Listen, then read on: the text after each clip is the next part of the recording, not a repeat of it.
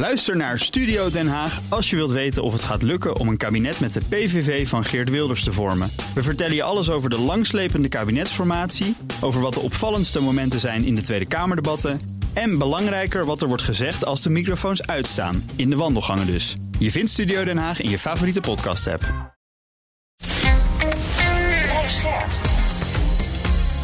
BNR Nieuwsradio. Boekenstein en de Wijk. Mark Beekhuis. Welkom bij Boekenstein in de Wijk. Het is dinsdag, dag 496 van de Russische oorlog in Oekraïne. Arend Jan en Rob zijn er ook weer allebei. En op tafel ligt een uitgeprinte versie van een artikel, uh, Arend Jan, van Philips O'Brien uit Foreign Affairs. En dat heet There's no such thing as a great power. Dus een grootmacht bestaat helemaal niet. Tja. Het is even verwarrend, want wij dachten dat Rusland en Amerika grootmachten waren. En China misschien ook wel. Ja, en Philip O'Brien is dus professor Strategic Studies in St. Andrews. Dat is de, beste Schotse universiteit. 1412, hè? niet zo oud als uh, Oxford en Cambridge, maar wel heel oud. Ook een uitstekende universiteit. Ligt daar ook heel mooi uh, aan zee. Nou, wat zegt Philips O'Brien? Die zegt dus eigenlijk, de kern wat hij zegt is dat uh, ja, Rusland is eigenlijk overschat. Het is geen grote mogelijkheid, want de grote mogelijkheid is onduidelijk wat het is. Je moet praten over een full spectrum power. En dat betekent dat je op alle terreinen, hè, economisch, technologisch en militair, dat je daar uh, een uitblinker bent. En dat geldt niet voor, voor Rusland. Hè. Nou, wat is, de, wat is de relevantie? De meeste analisten zagen Moskou als, als een grote mogelijkheid en Kiev als een kleinere. Hè. En toen, dat zagen ze als volgt. Dus de NAVO en Amerika die moeten zich niet mengen in die oorlog. En je moet de militaire steun beperken. Want uh, ja, uh, Oekraïne gaat het toch niet redden. En als je dan toch dat allemaal gaat doen, dan verleng je alleen maar de ellende. Nou, nu blijkt opeens dat Oekraïne het toch beter doet dan veel mensen dachten. En Rusland het slechter doet dan veel mensen dachten. En dan zegt O'Brien, we moeten echt het hele oude concept van de grote mogelijkheid dus vervangen door een full spectrum mogelijkheden, economisch, technologisch en militair. Ja? En dan legt hij een beetje uit hoe dat zat. In de Eerste Wereldoorlog had je uiteindelijk twee dominante mogelijkheden, Duitsland en Engeland. Hè? En daar kwam in 1917 uh, Amerika bij, maar dat was van echt een hele echte eigen klasse. Want omdat Amerika dus eigenlijk een soort continent is uh, dat met zeeën gescheiden is van de rest, is het onontvankelijk voor buitenlandse dreigingen. Dus Amerika is gewoon een lone superpower, zegt hij. Ja. Nou, Rusland is eigenlijk helemaal geen uh, full spectrum power. Het moreel van de troepen is laag. Het BNP is kleiner dan dat van Canada. Uh, het is geen speler op de markt van high technology. Het is zeer corrupt. Het is dictatoriaal. Het is, heeft grondstoffen, maar geen maker van hoogwaardige producten. En demografisch is het ook nog eens een keer een ramp. Hè? Dus de echte full spectrum mogelijkheden in het verleden was en Amerika vanaf 1890, zeg maar. Hè? Engeland eind 19e eeuw tot 1943, dan gaat het fout. Duitsland tussen 1900 en 1942. Sovjet-Unie van 1949 tot en met zeg maar het midden van de jaren 70. En China is het ook vanaf 2010. Hè? Want deze landen die kunnen concurreren in elk domein. En, en ze kunnen ook een hoge kwaliteit aan uh, militaire materiaal uh, neerzetten. Nou, um, conclusie is dus eigenlijk overschatten wij dus de Russische macht. En dat heeft wel grote gevolgen gehad, want daardoor hebben we die militaire steun aan de Oekraïne voor februari 2022 hebben beperkt. Denk vooral aan Duitsland. Hè. Duitsland heeft voor februari 2020 helemaal niet meegedaan aan militaire steun voor de Oekraïne. Dat werd gedaan door Canada en door uh, Amerika. Hè. Hmm. En ook de wapenleveranties na februari 2022 zijn soms ook beperkt geweest door deze overweging dat, ja, dat je die Russische macht, dat is toch wel erg groot. Hè? Het gevolg is dat er meer slachtoffers zijn gevallen aan beide zijden en ook een langer conflict. Ja, ja kijk, ik, ik, je, prachtige samenvatting, uh, complimenten daarvoor. Maar wat vind ik hier nou eigenlijk van? Ik zat dat te lezen. Ik ben het volstrekt met hem eens. Uh, en dat hebben wij ook honderd keer gezegd, dat Rusland geen supermacht is. Dat was het als Sovjet-Unie, maar nu niet meer. We hebben honderd keer gezegd dat het Russische uh, BBP, de omvang van de economie, ja, niet veel groter is dan die van de Benelux. Iets kleiner dan Italië. Hij, de auteur zelf, zelf Canada, klopt. Is allemaal best aardig, maar niet voor een land van elf tijdzones 140 miljoen inwoners. En die ook nog eens een keer een oorlog moet gaan voeren. Dus dat is helemaal waar. Ik ben het ook totaal met hem eens. Als hij zegt van je moet eigenlijk gewoon kijken naar alle machtsinstrumenten die een uh, land uh, uh, tot zijn beschikking heeft, van technologie tot de bereidheid tot vechten, ga zo maar door. Maar er is natuurlijk één punt waarom met name ook de Amerikanen, de Europeanen gaan daar wat makkelijker mee om. Dat kernwapen. Heel erg, ja exact. En daar, gaat hij, daar fiets je heel gemakkelijk overheen.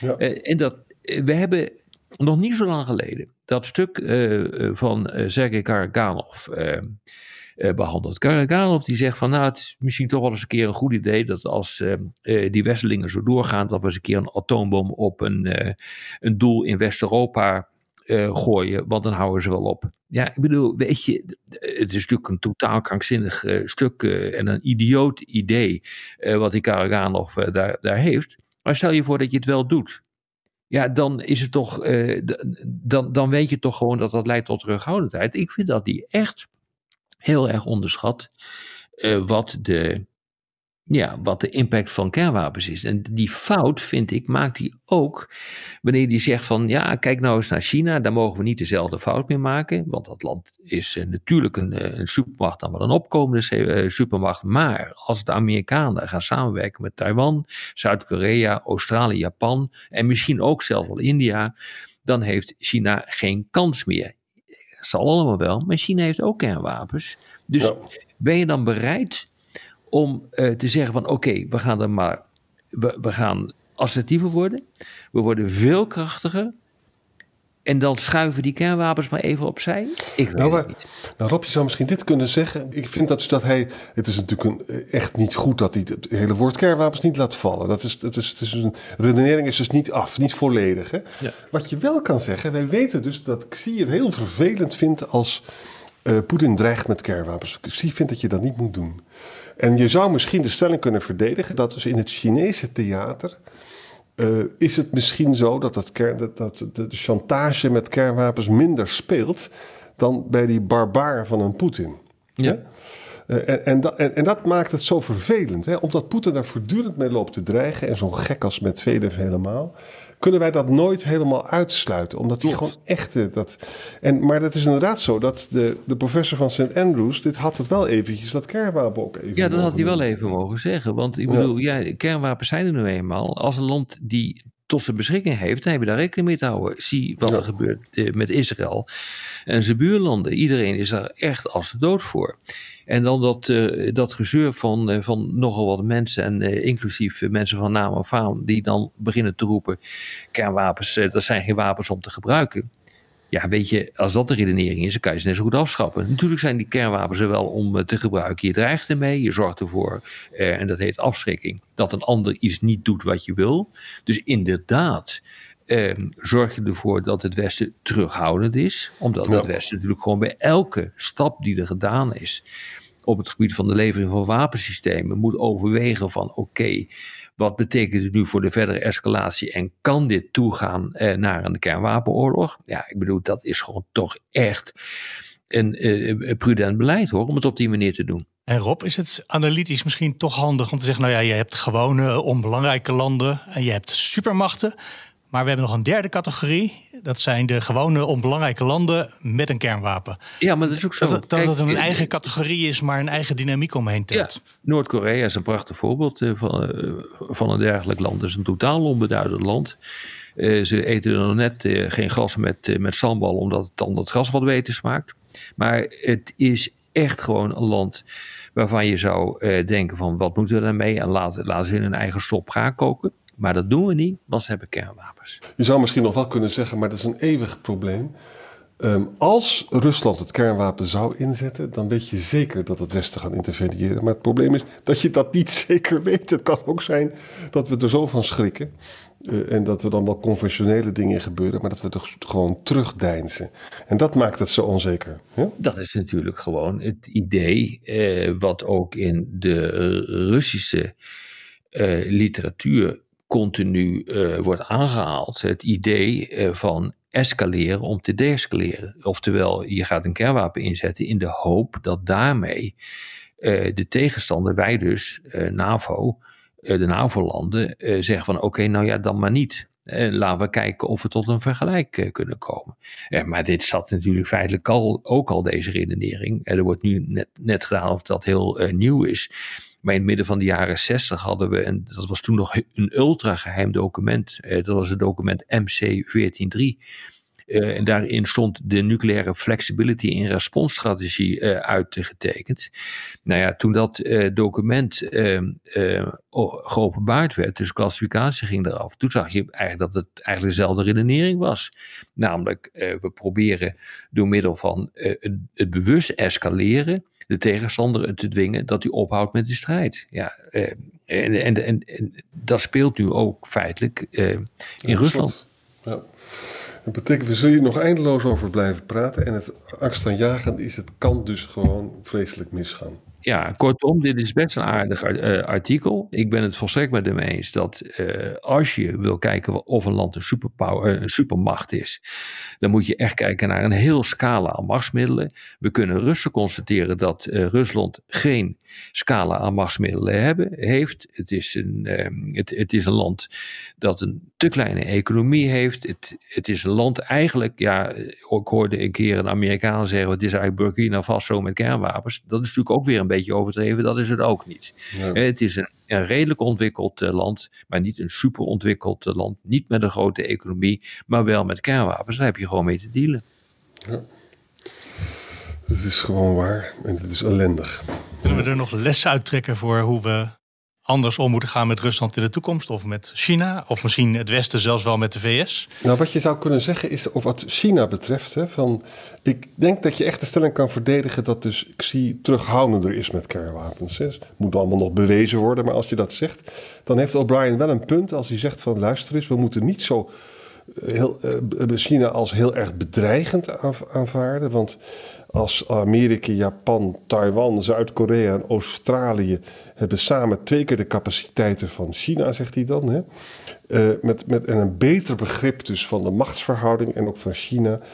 En als je China ook als minder bedreigend ervaart vanwege de tegenwichten, dan zou je misschien beter een, een minder agressieve koers kunnen voeren. En op zich is het waar dat er nogal wat Amerikanen zijn die behoorlijk agressieve koers varen ten aanzien van China. Nou ja, weet je, ik, het, het, is, het is wel een significant verhaal. Omdat nogal wat mensen zeggen van, we hebben Rusland overschat, dus we kunnen best een paar stappen naar voren nemen en die kernwapens gaat hij toch niet inzetten. En dit, dit, dit soort verhalen, eh, die zorgen ervoor dat die school van denken, eh, ja, eigenlijk nou geen vleugels krijgt, dat is een beetje overdreven, maar een steuntje in de rug eh, krijgt. En het is een onbewezen stelling wat hier uh, geponeerd wordt. En ik denk dat dat het allerbelangrijkste is. Interessant stuk van Zeker. Philips O'Brien. Ik zal de link weer bij de show notes zetten. Arend ja, dat is leuk. Ja. Kunnen mensen het zelf ook lezen. Tenminste, je mag één artikel van Foreign Affairs geloof ik gratis lezen. Daarna komt er op een gegeven moment een, uh, een maar, betaalmuur kan, voor. Maar, goed, ik kan, zo ik kan is het, het. Ik kan het je geven. Kijk maar uit, gaat iedereen je mailen. Hey, dankjewel voor vandaag weer. En uh, tot morgen. Tot morgen, jongens. Tot morgen. Bij BNR ben je altijd als eerste op de hoogte van het laatste nieuws. Luister dagelijks live via internet. Bas van Werven. En heel langzaam komt de zon op rond dit tijdstip. Je krijgt inzicht in de dag die komt op BNR, het Binnenhof in Nederland en de rest van de wereld. De Ochtendspits. Voor de beste start van je werkdag. Blijf scherp en mis niets.